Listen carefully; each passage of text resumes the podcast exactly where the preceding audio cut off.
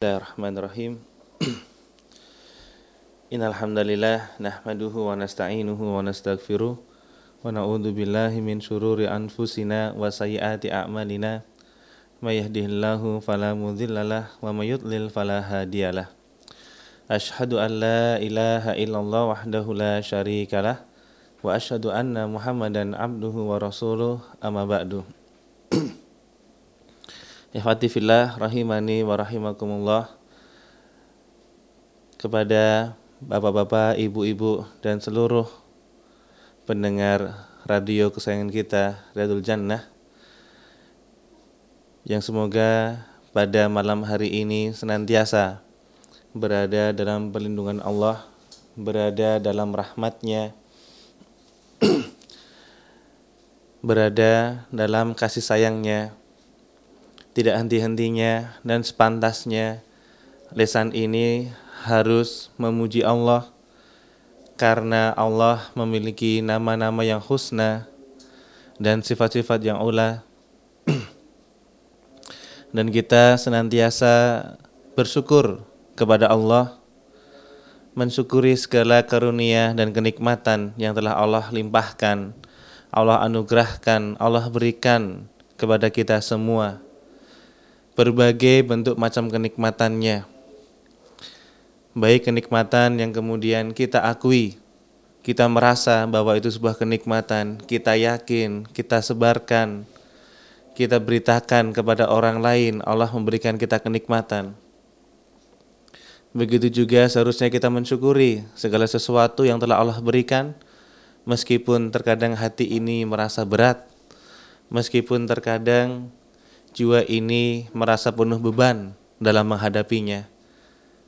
Walaupun pada hakikatnya ternyata itu semua merupakan kenikmatan dari Allah Subhanahu wa taala. Menanti buah hati. Ini sebuah penantian yang membuat seseorang ini deg-degan karena datangnya buah hati merupakan sebuah karunia yang besar dari Allah Subhanahu wa taala. Sebuah anugerah dan karunia yang Allah memberikan kepada sebagian hambanya karena ternyata atas kebijaksanaan Allah atas dasar sifat Allah yang maha bijaksana yang maha adil. Tidak semua orang mendapatkan kenikmatan ini. Pada suatu ketika saya sempat ngobrol, saya sempat bicara dengan salah seorang dokter. Ketika itu saya dan istri saya, saya mengantar istri saya untuk memeriksakan kandungan ke dokter kandungan. Kemudian beliau menceritakan kepada kami bahwa di sana ada sebagian orang yang menanti buah hati dengan penuh kesabaran. Beliau menceritakan bahwa ada di antara pasiennya yang sudah berobat bertahun-tahun.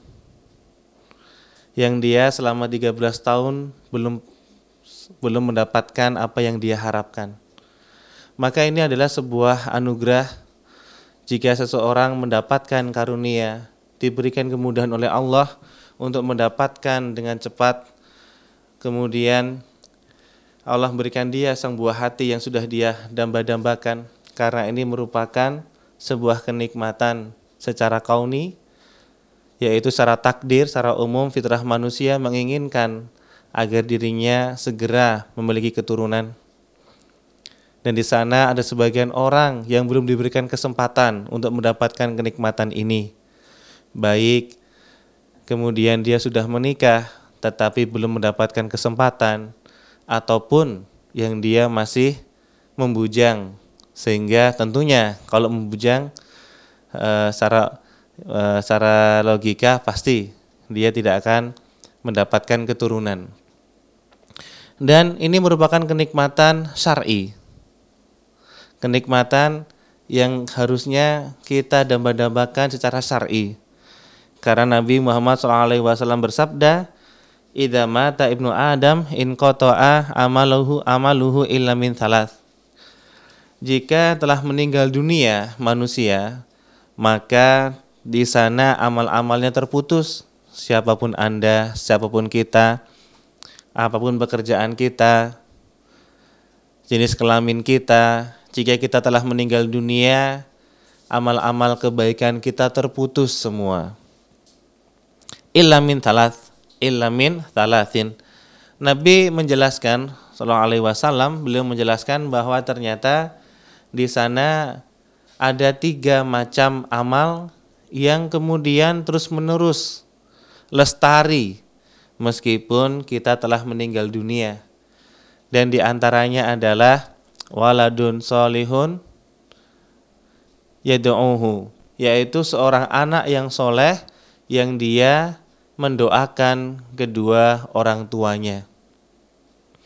Maka datangnya datangnya sang buah hati ini merupakan harapan yang besar bagi orang tua secara umum merupakan harapan untuk meneruskan keturunannya dan yang kedua berharap agar kemudian amalnya lestari meskipun dia telah meninggal dunia. Maka para pemirsa Radio Radul Jannah yang semoga senantiasa berada dalam jalannya istiqomah berada di jalan Allah, maka kita simpulkan datangnya sang buah hati ini merupakan kenikmatan yang sangat besar. Karena dengan adanya anak-anak dengan dengan adanya sang buah hati maka kita berharap agar amal-amal kita terus lestari senantiasa diberi pahala meskipun kita telah meninggal dunia. Namun sebagaimana secara umum sebuah kenikmatan maka seseorang tidaklah dikatakan telah mensyukuri nikmat kecuali dengan tiga hal. Kita tahu bahwa kenikmatan adalah sesuatu yang kita inginkan, tetapi ternyata di sana, jika kita mengharapkan kenikmatan itu senantiasa berada dalam diri kita, maka di antaranya adalah dengan bersyukur, dengan bersyukur lain syakartum la azidannakum. Jika engkau bersyukur, jika kalian bersyukur kepada Allah Subhanahu wa taala, maka kenikmatannya akan ditambah. Demikianlah sebagian ulama kemudian menyimpulkan bahwa jika seseorang ini ingin mengharapkan kenikmatan itu senantiasa berada dalam dirinya, dia mendapatkan kenikmatan harta dan menginginkan agar nikmat ini bertambah, menginginkan agar kenikmatan ini senantiasa menemaninya. Seseorang diberi kenikmatan anak yang soleh dan dia menginginkan agar anak-anaknya yang lainnya seperti itu. Seseorang diberikan kenikmatan kesehatan dan dia menginginkan agar dirinya senantiasa sehat. Maka kuncinya dikatakan oleh para ulama bahwa dengan cara bersyukur karena cara mempertahankan kenikmatan adalah dengan bersyukur. Seseorang tidaklah dikatakan bersyukur kecuali dia melakukan tiga hal. Yang pertama adalah dia meyakini dalam hati bahwasanya kenikmatan itu datang dari Allah. Yang kedua, dia mengucapkan secara lesan memuji Allah, bersyukur kepada Allah secara lesan. Dan yang ketiga adalah dia mempergunakan kenikmatan tersebut pada hal-hal yang Allah ridhoi. Dan itulah yang namanya bersyukur.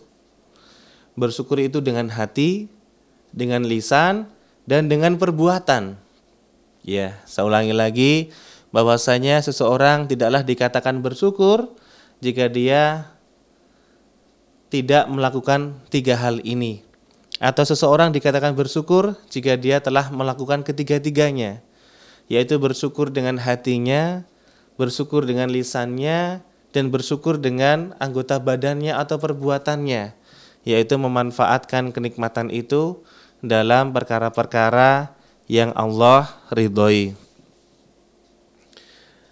Dan sudah banyak kisah-kisah ya. Sudah banyak kemudian keterangan-keterangan dari para ulama tentang seseorang yang dia akhirnya kehilangan kenikmatan gara-gara dia tidak bersyukur. Di antaranya adalah apa yang pernah diceritakan mungkin oleh sebagian asatid di sini. Dan para pendengar radio Radul Jannah sudah menghafalnya tentang kisah tiga orang Akro, Abros, dan Akma. Tentang tiga orang, yang pertama dia terkena penyakit kusta, Abros, yang kedua dia Akro, yaitu orang yang kena penyakit kebotakan, dan yang ketiga adalah yang ketiga adalah akma, yaitu orang yang buta. Yang Nabi mengatakan, mengkisahkan untuk memberikan pelajaran bagi kita semua bahwa tiga orang itu dalam kesulitan, miskin, kena penyakit, kemudian Allah berikan mereka kenikmatan, kesembuhan, kekayaan. Yang dua tidak bersyukur, yang satu bersyukur si Abros dan si Akro yaitu orang yang kena penyakit kusta dan orang yang kena penyakit kebotakan dia tidak bersyukur. Tidak menggunakan harta tidak menggunakan kesehatannya di jalan Allah. Maka Allah cabut kenikmatannya. Allah kembalikan mereka dalam keadaan semula. Yang awalnya sudah sehat jadi sakit. Yang awalnya sudah diberikan kekayaan jadi miskin Berbeda dengan yang ketiga si Akma, orang yang buta. Buta matanya tetapi tidak buta hatinya. Dan kita, sebagian dari kita mungkin melihat matanya tapi buta hatinya. Maka si Ama ini yang buta matanya, yang dia sembuh bersyukur. Dia pergunakan kesehatan, dia pergunakan hartanya kepada perkara-perkara yang Allah ridhoi maka akhirnya Allah pertahankan kenikmatan tersebut, Allah tambahkan kenikmatan tersebut kepada dirinya. Ehwati filah rahimani wa rahimakumullah. Para pendengar Radio Riyadul Jannah yang semoga senantiasa berada dalam perlindungan Allah Subhanahu wa taala. Lalu bagaimana cara kita mempertahankan datangnya atau mempertahankan kenikmatan dengan datangnya sang buah hati. Maka sama bagi kita yang sedang mendambakan atau yang sudah mendapatkan sang buah hati, jika kita ingin mendapatkan kenikmatan tersebut, jika kita ingin mempertahankan kenikmatan tersebut, maka di antara yang harus kita lakukan adalah dengan cara mensyukuri kenikmatan yang telah Allah berikan dengan datangnya sang buah hati. Bagaimana Ustadz cara mensyukurinya? Bagaimana cara kita kemudian mempertahankan kenikmatan dengan datangnya sang buah hati? Tentunya kita mensyukurinya dengan hati, kita mengucapkannya di lisan dan menjalankan ketaatan kepada Allah yaitu menggunakan kenikmatan ini yaitu berupa datangnya sang buah hati pada perkara-perkara yang Allah ridhoi. Apakah ada orang yang dia tidak mempergunakan kenikmatan datangnya anak ini dalam hal-hal yang Allah ridhoi? Bagaimana bentuknya?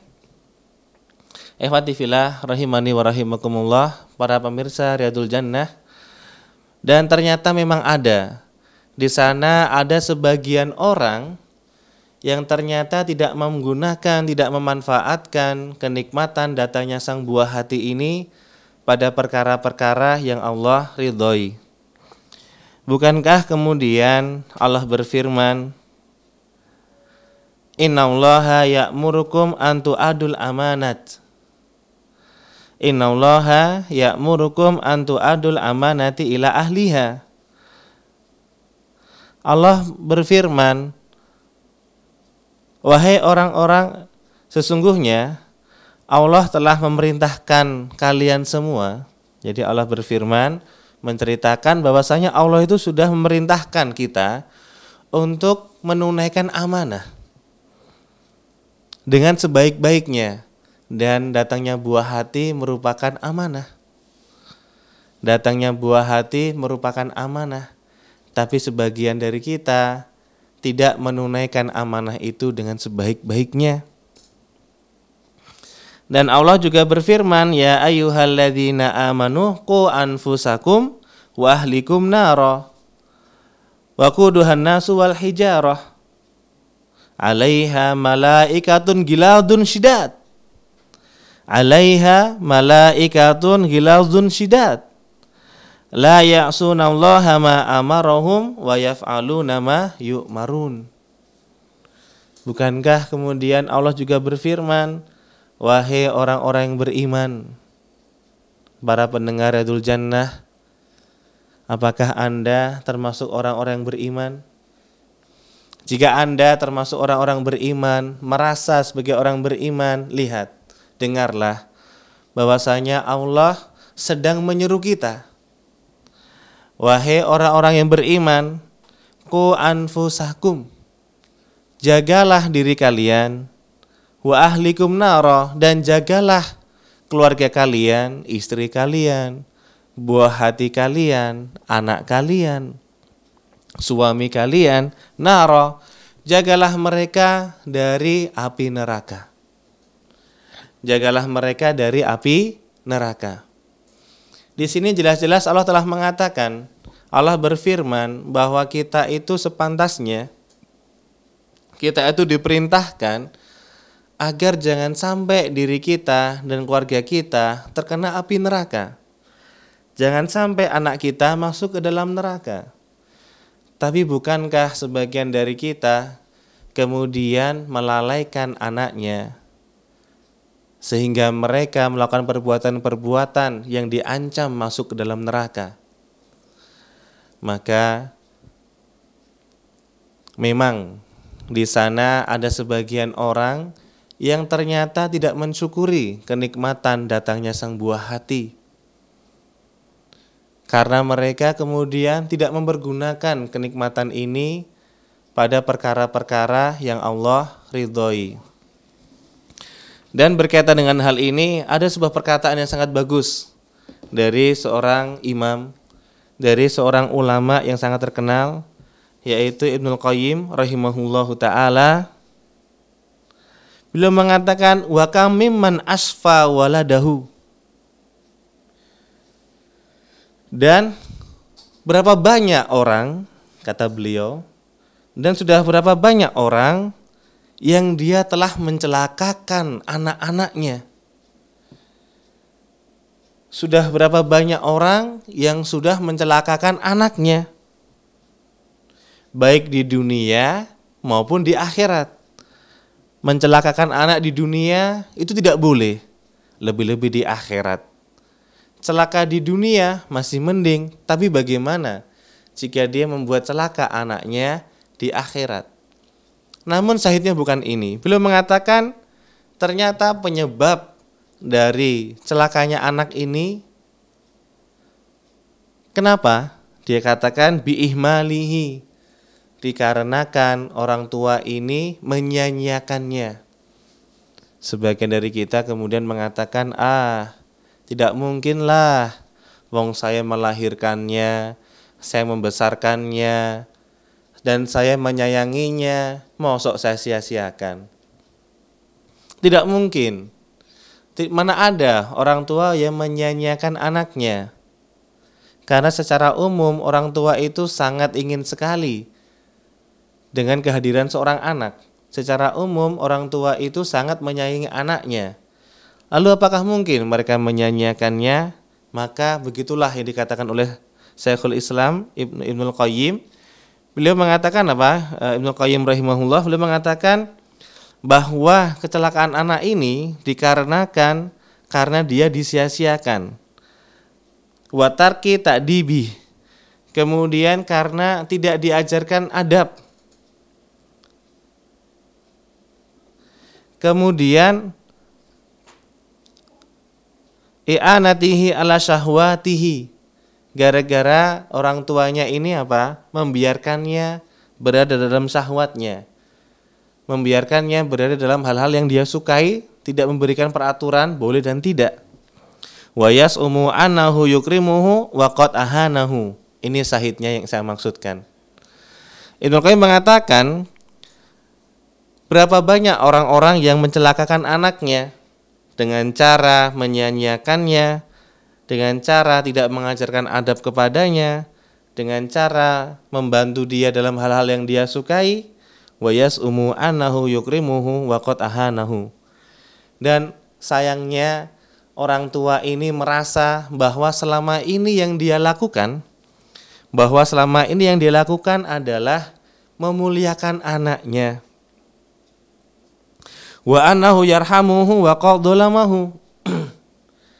Jadi kecelakaan ini ternyata terjadi gara-gara bapaknya, gara-gara bapak ibunya yang dia merasa memuliakan anaknya tapi ternyata sudah merendahkannya. Wa annahu yarhamuhu wa qaddalamahu orang tuanya merasa selama selama ini telah menyayanginya dan ternyata sedang menduluminya. Maka gara-gara ini anak itu celaka dan lihatlah dengarlah apa yang dikatakan Ibnu Qayyim rahimahullah di akhir kalimatnya wa idza tabarat al fasad fil aulad ra'aitu ammatuhu ra'aita tahu min kibalil aba. Maka jika kemudian kerusakan ini sudah menyebar, kerusakan anak, kecelakaan anak ini sudah banyak, ternyata kita dapatkan bahwa penyebabnya adalah kedua orang tuanya. Ehwatifillah rahimani wa rahimakumullah. Maka yang ingin kita sampaikan pada masalah ini adalah ternyata anak-anak yang kemudian rusak, yang kemudian dikatakan oleh kita bandel, nakal, ternyata bisa jadi itu semua gara-garanya adalah penyebabnya adalah kedua orang tuanya sendiri. Orang tuanya merasa telah memberikan kasih sayang kepada anaknya, memberikan yang terbaik kepada anaknya, ternyata itu semua sebab kecelakaannya. Bukankah ada orang tua yang kemudian sayang kepada anaknya, masih SMP diberikan mobil, dan ternyata gara-gara punya mobil anaknya celaka. Masih SMP, belum punya kedewasaan dalam menyetir mobil, karena bapaknya sayang kepada dirinya, wah anak saya ini cuma satu-satunya, ranking satu, di sekolah pintar, adalah hadiahnya mobil kalau juara satu mobil, akhirnya dibelikan mobil. Dan gara-gara itu anaknya celaka. Akhirnya dia ngebut-kebutan. Akhirnya dia bergaul dengan orang-orang yang salah. Karena biasanya kalau ada anak yang punya mobil, banyak temennya yang menginginkan mobil itu. Deket, bisa di ditumpangi dan lain sebagainya.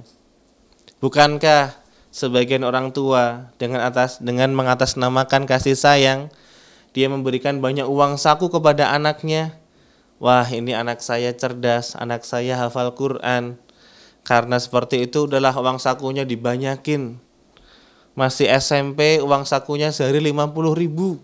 Masya Allah kalau ada. Tapi mungkin ada. Dan tidak mustahil. Seorang anak itu memiliki uang saku sebanyak itu 50 ribu setiap hari. Dengan mengatasnamakan kasih sayang ini kan anak saya. Saya harus menyayanginya. Saya kasih uang saku yang banyak. Dan ternyata gara-gara itu akhirnya apa yang terjadi? Akhirnya adalah anak ini tidak bisa mengendalikan dirinya karena uangnya banyak dipakai untuk yang tidak-tidak masih SMP uang sakunya 50 ribu misalnya akhirnya dia pakai misalnya untuk berfoya-foya dengan temannya. Tidak puas dengan itu, akhirnya dia pakai untuk membeli hal-hal yang sia-sia. Dia beli rokok, dia beli narkoba, dia beli hal-hal atau sesuatu yang membuat dia rugi. Sesuatu yang manfaatnya tidak ada atau sedikit sekali manfaatnya dibandingkan dengan kemadorotannya. Maka ada sebuah syair yang bagus sekali yang menggambarkan hal ini. Dikatakan bahwa alqahu fil yammi maktufan wa qala lahu iyyaka iyyak antab talla bil ma alqa'u fil alqa'u fil yami maktufan wa qala lahu iyyaka iyyaka antab talla bil ma'i ini adalah sebuah syair yang menggambarkan keadaan sebagian orang tua di masa ini. Dia mengatasnamakan kasih sayang kepada anaknya, tapi ternyata mencelakakan anaknya. Dikatakan dalam syair ini, engkau menjatuhkan anakmu di lautan maktufan. Engkau melempar anakmu ya, engkau melemparkan anakmu di sebuah lautan dalam keadaan terikat. Ini mencelakakan enggak kira-kira ini? Seseorang melemparkan orang lain di air yang sangat dalam dalam keadaan dirinya terikat engkau melemparkan anakmu di lautan dalam keadaan terikat wa qala lahu iyyaka iyyak hati-hati kamu hati-hati kamu antab talabil ma hati-hati nanti kamu basah nah ini adalah gambaran sebagian orang tua di masa sekarang ini dia yang menjadi penyebab anaknya rusak tapi kemudian dia marah-marah sama anaknya, eh kamu tuh hati-hati, gimana kamu jadi ini? Kamu itu kenapa seperti ini? Kenapa nakalnya kayak gini? Kenapa nggak seperti orang lain? Dan dia tidak sadar bahwa selama ini yang menyebabkan kerusakan anaknya adalah dirinya. Digambarkan dia itu sedang melemparkan anaknya dalam kecelakaan, dalam keadaan terikat, dan dia menyalahkan anaknya.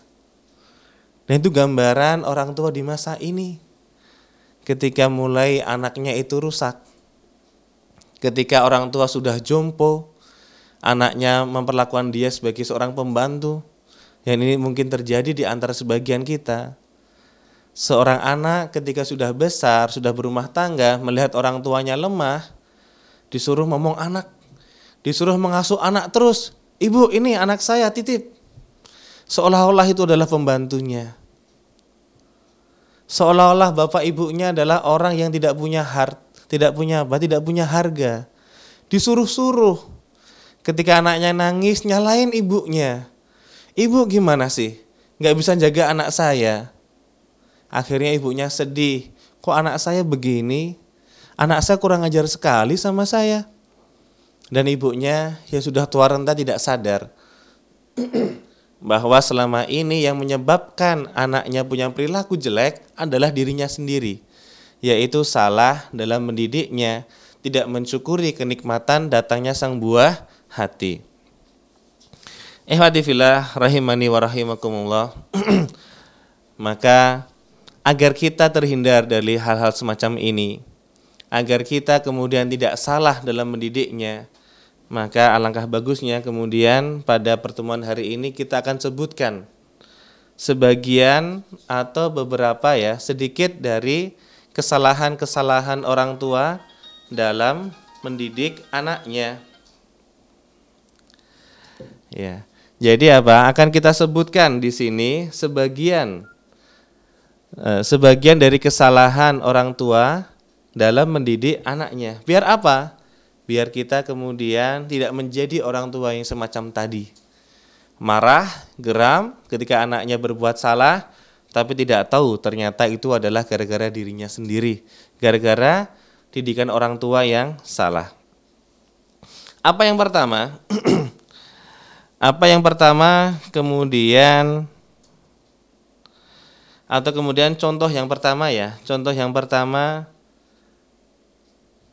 da dalam kesalahan ya contoh dalam contoh kesalahan dalam mendidik anak yang pertama dikatakan oleh sebagian ahlul ilmi di antaranya adalah tansyiatul aulad alal jubni wal khaufi wal hala wal faza. Yaitu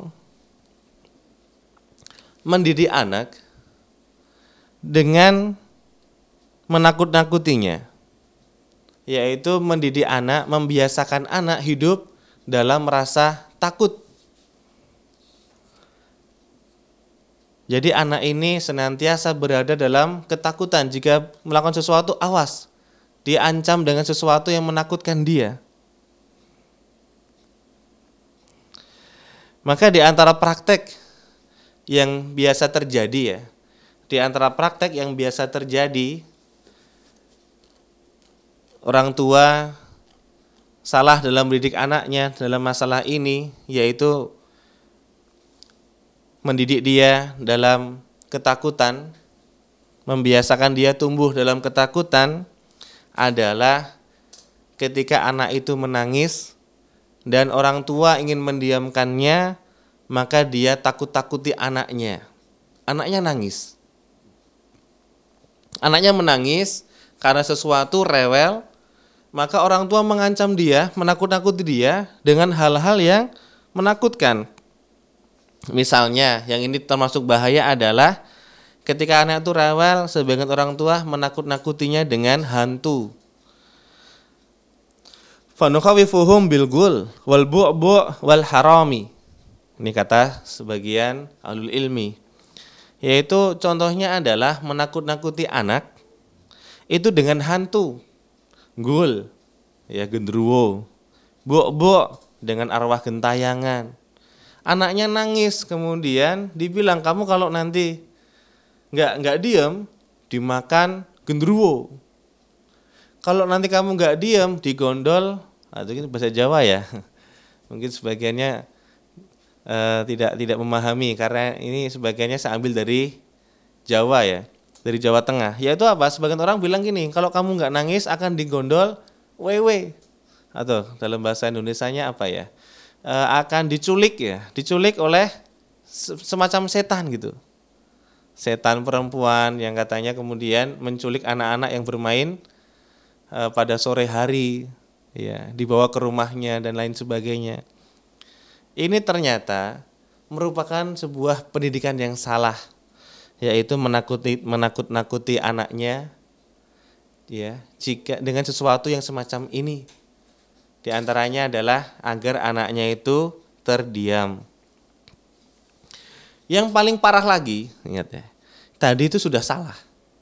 Tadi salah. Tadi salah yaitu menakut-nakuti anaknya dengan hantu itu salah.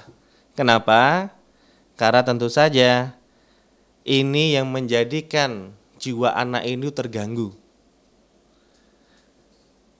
akidahnya terganggu, hatinya terganggu.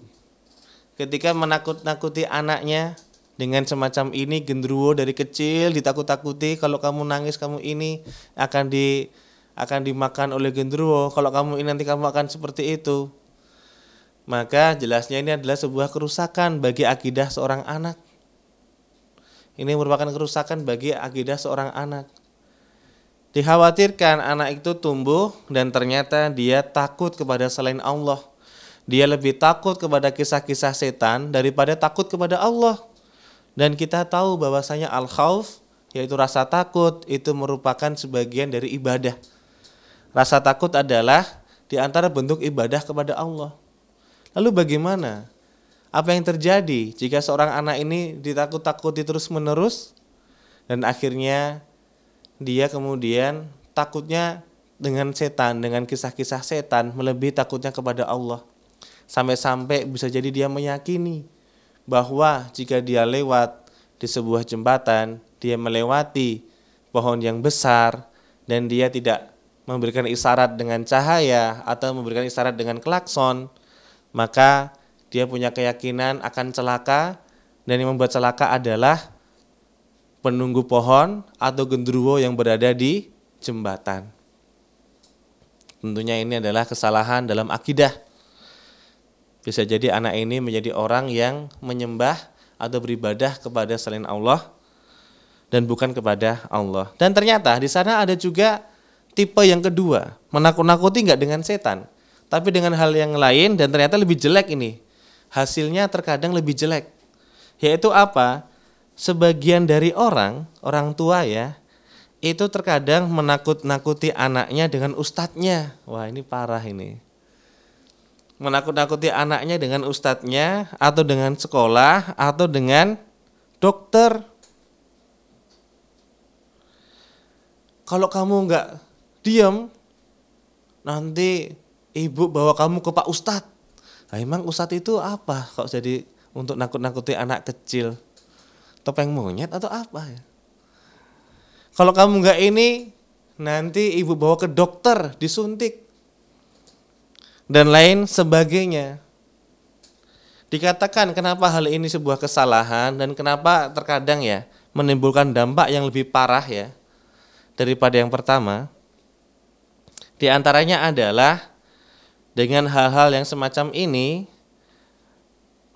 maka dikhawatirkan anak itu menjadi seorang penakut, takut dengan sesuatu yang semestinya dia tidak takut dengannya. Karena dia sering ditakut-takuti dengan hal-hal yang tidak menakutkan. Dokter misalnya ustadz misalnya sekolah misalnya itu kan sesuatu yang tidak menakutkan tapi kemudian ditakut-takuti oleh orang tuanya kamu kalau nakal nanti ibu bawa ke pak ustadz padahal pak ustadz tidak menakutkan pak dokter tidak menakutkan maka anak itu tumbuh menjadi seorang yang takut kepada hal-hal yang semestinya tidak dia takuti. Bahkan dikhawatirkan dia akan takut dengan bayangannya sendiri. Ya.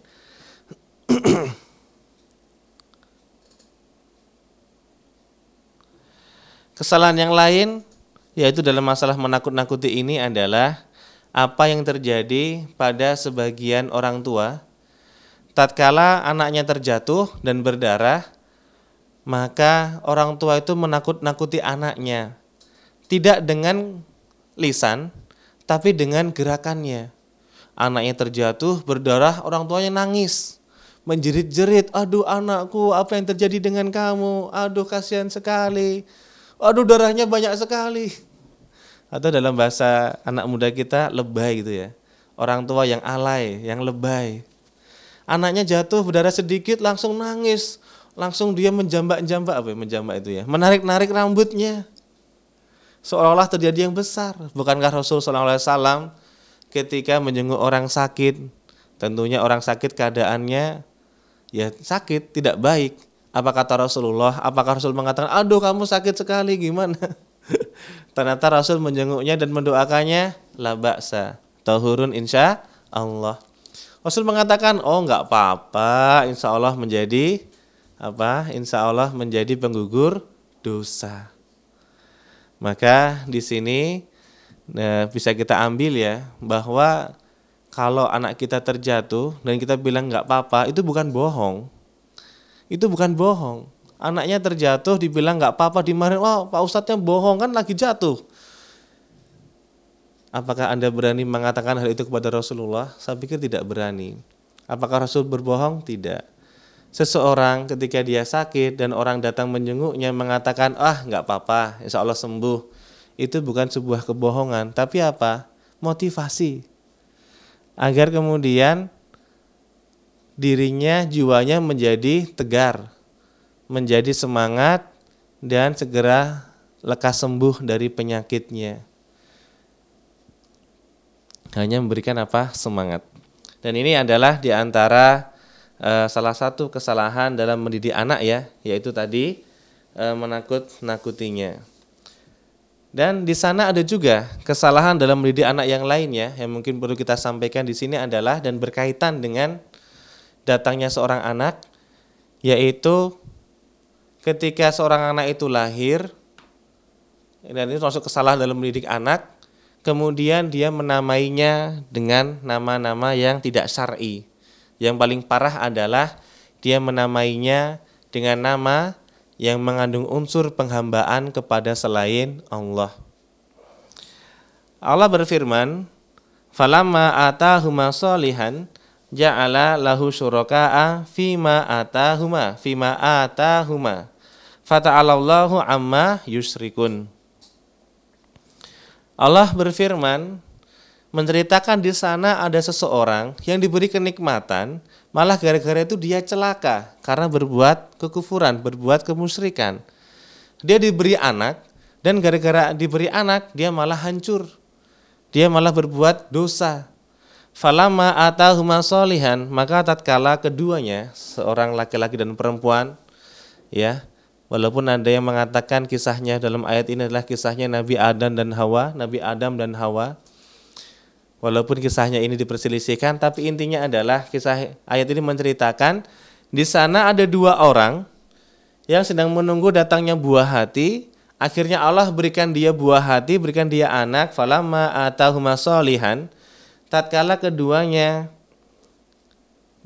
datang kepada keduanya seorang anak yang sempurna. Jadi dua orang akhirnya dapat seorang anak yang sehat, sempurna. Ja'ala lahu syuraka'a fima atahuma. Maka gara-gara datangnya anak tadi, malah keduanya melakukan kesyirikan, menyekutukan Allah. Disebabkan anak tadi. Fata'alallahu amma yusrikun.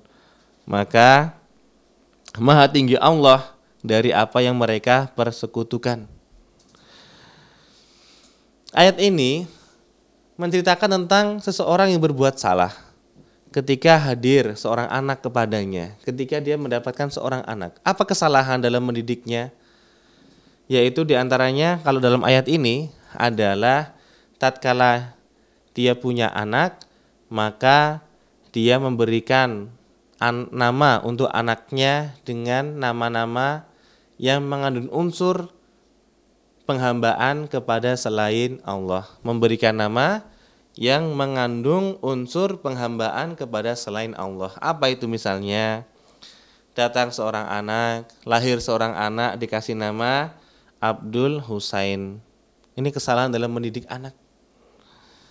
Dikasih nama Abdul Rasul. Dikasih nama Abdul Ka'bah.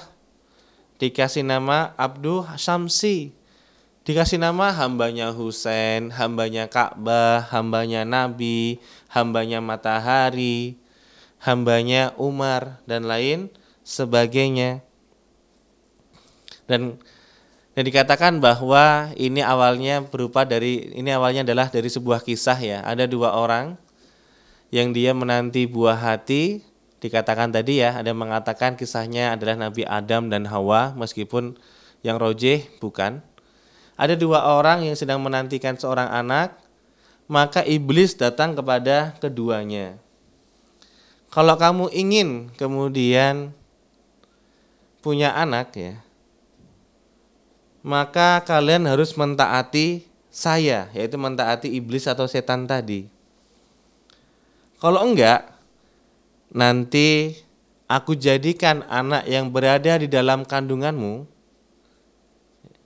itu punya tanduk seperti rusa. Maka dia akan keluar dari perut ibumu, akan keluar dari perut ibunya dalam keadaan merobek perut ibunya. Nah, jadi iblis menakut-nakuti kalau kamu nggak taat sama aku, nggak bakal bisa punya anak. Maka akhirnya kedua orang tadi tidak mentaatinya, tidak mentaati iblis karena iblis menginginkan agar apa? agar kemudian anak yang lahir itu diberikan nama Abdul Haris. Dan Haris ini katanya nama iblis. Dan Haris ini adalah nama iblis. Akhirnya keduanya tidak mentaati iblis. Anaknya kemudian lahir dan lahir dalam keadaan meninggal dunia. Hamil lagi. Tidak mau taat lagi, meninggal lagi hamil lagi, tidak mau taat lagi, meninggal lagi hingga pada akhirnya karena khawatir dengan keselamatan anaknya, akhirnya mereka berdua mentaati iblis dan memberikan nama bagi anaknya adalah Abdul Harith, yaitu hambanya Harith, hambanya iblis gitu ya, hambanya iblis dan kemudian anaknya ini selamat. Ini adalah di antara kesalahan dalam mendidik anak atau di antara kesalahan ketika lahir seorang anak di antara kita. Ada juga kemudian hal-hal yang lain ya yang merupakan dari kesalahan tidak mensyukuri nikmat datangnya seorang anak. Tapi insya Allah akan kita lanjutkan pada kesempatan berikutnya insya Allah jika kemudian masih diberikan kesempatan ya oleh Allah Subhanahu wa taala untuk menyampaikan hal ini. Maka sebelum kita akhiri Mungkin untuk menutup kami persilakan kepada Ustaz memberikan kesimpulan dari materi yang baru saja disampaikan di malam hari ini. Kami persilakan Ustaz. Alhamdulillah wassalatu wassalamu ala Rasulillah wa alihi wa sahbihi wa man wala. Asyhadu alla ilaha illallah wahdahu la syarikalah wa asyhadu anna Muhammadan abduhu wa rasuluh amma ba'du. Maka kesimpulan yang bisa kita ambil dari tema pembahasan pada malam hari ini adalah yang pertama kenikmatan itu bagaikan pisau bermata dua. Kenikmatan itu seperti pisau bermata dua. Kalau kita bisa mengelolanya, maka kita akan senang. Kalau kita tidak bisa mengelolanya, kita akan sengsara.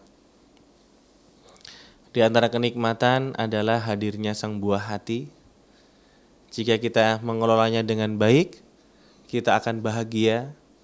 Termasuk mudah-mudahan dalam hadis tadi, Idza mata ibnu Adam in kotoa amaluhu ilamin salat. Jika kita bisa mengelolanya dengan baik, hadirnya buah hati, maka menjadi sebuah kebaikan karena amal kita tidak terputus dengan adanya anak. Tapi jika kita tidak bisa mengelolanya dengan baik, maka kita akan sengsara. Karena datangnya seorang anak terkadang kalau kita tidak pandai-pandai ya mengelolanya ya, kadang kita salah mendidiknya, akhirnya anak itu salah. Dan kita akan mendapatkan dosa dari kesalahan anak tersebut. Dan terkadang karena hadirnya buah hati ini, saking senengnya, karena merasa sangat gembira, maka kita terkadang terjatuh dalam kesalahan, bahkan dalam masalah syirik. Mungkin demikian yang bisa kita sampaikan. Mudah-mudahan apa yang sedikit ini memberikan manfaat kepada diri saya pribadi dan kepada para pendengar Radul Jannah. Subhanallahumma rabbana bihamdik asyhadu an la ilaha illa anta astaghfiruka wa atubu. Assalamualaikum warahmatullahi wabarakatuh.